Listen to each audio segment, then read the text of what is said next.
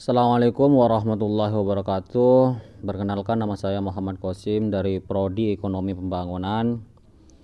Pada kesempatan kali ini saya akan menjawab soal UTS Ekonomi Keuangan Daerah soal yang kedua yang mana pertanyaan yang pertama menjelaskan topik-topik atau poin-poin yang ada di topik satu yakni saya mengambil tentang otonomi daerah di Indonesia.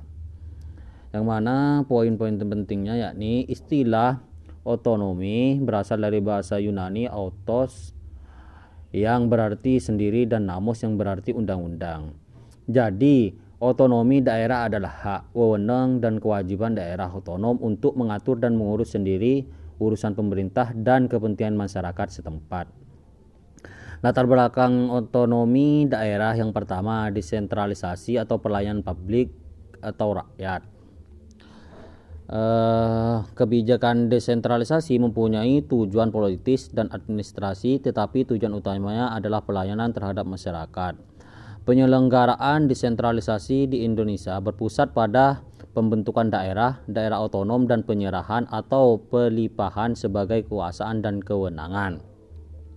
Harapan untuk otonomi daerah semoga ke depannya bisa menciptakan kemampuan masyarakat untuk merespon dinamika kehidupan di sekitarnya.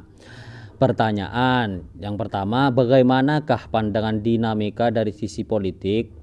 Dua, bagaimana cara mengetahui sejauh mana arah dan sasaran suatu daerah dalam menuju suatu daerah yang otonom? Yang ketiga, bagaimana cara mengetahui masalah-masalah yang menjadi wewenang atau acuan program suatu daerah dalam meningkatkan pro produktivitas dalam bidang tertentu?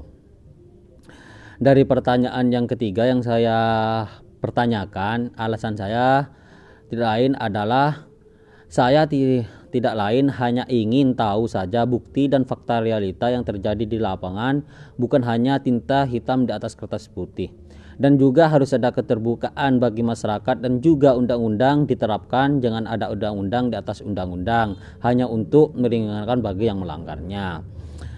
Alasannya lagi karena terus berkembangnya zaman dan banyaknya perubahan di sini, saya ingin tahu bagaimana cara bekerjanya di era yang akan datang, hubungannya dengan politik, mengatasi masalah-masalah yang ada dan lain-lainnya. Mungkin ini jawaban saya dari soal UTS yang nomor 2. Kurang lebihnya mohon maaf. Wassalamualaikum warahmatullahi wabarakatuh.